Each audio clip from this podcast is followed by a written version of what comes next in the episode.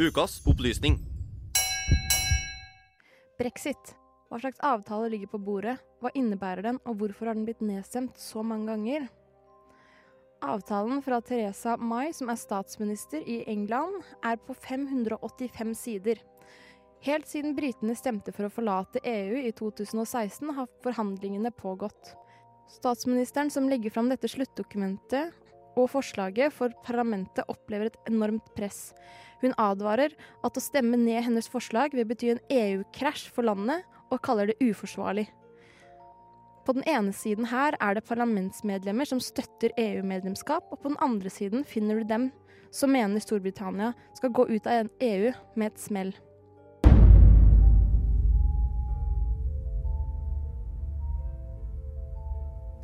Mai må ikke bare overtale EU-skeptikere, hun er også nødt til å få parlamentsmedlemmene, som helst skulle sett at Storbritannia forblir i EU, til å støtte avtalen hennes. Avtalen har fire hovedelementer. 1. Enige om en overgangsperiode på to år. EU og Storbritannia er enige om at det ikke skal være noen store endringer for Storbritannia mellom 29. mars og desember 2020. Tiden skal brukes til å bli enige om en permanent handelsavtale mellom Storbritannia og EU, samtidig som næringslivet på begge sider av grensen skal få til å tilpasse seg.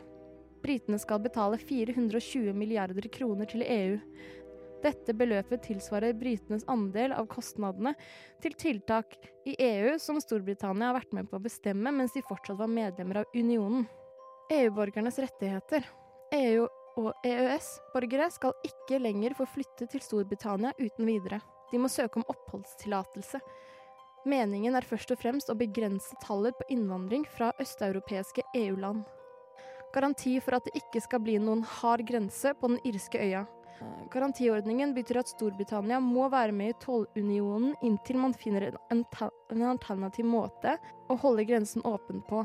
Dette har vært det mest omstridte punktet, fordi mange har fryktet at dette vil føre til at Storbritannia vil forbli i EUs tollunion på permanent basis også etter at de har forlatt EU. Avtalen til Teresa har blitt stemt ned. Første gang var 15. januar. Da var det vært 432 mot avtalen og 202 for.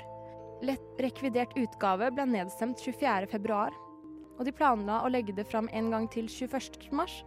Men det går ikke. Altså I henhold til britisk lov kan det ikke legges frem samme saken uendret mer enn én gang for hver parlamentsperiode. 3.4.2019 ble nytt brexit-forslag nedstemt igjen.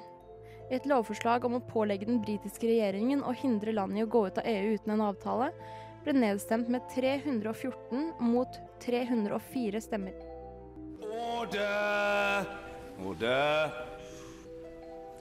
The eyes to the right, 202.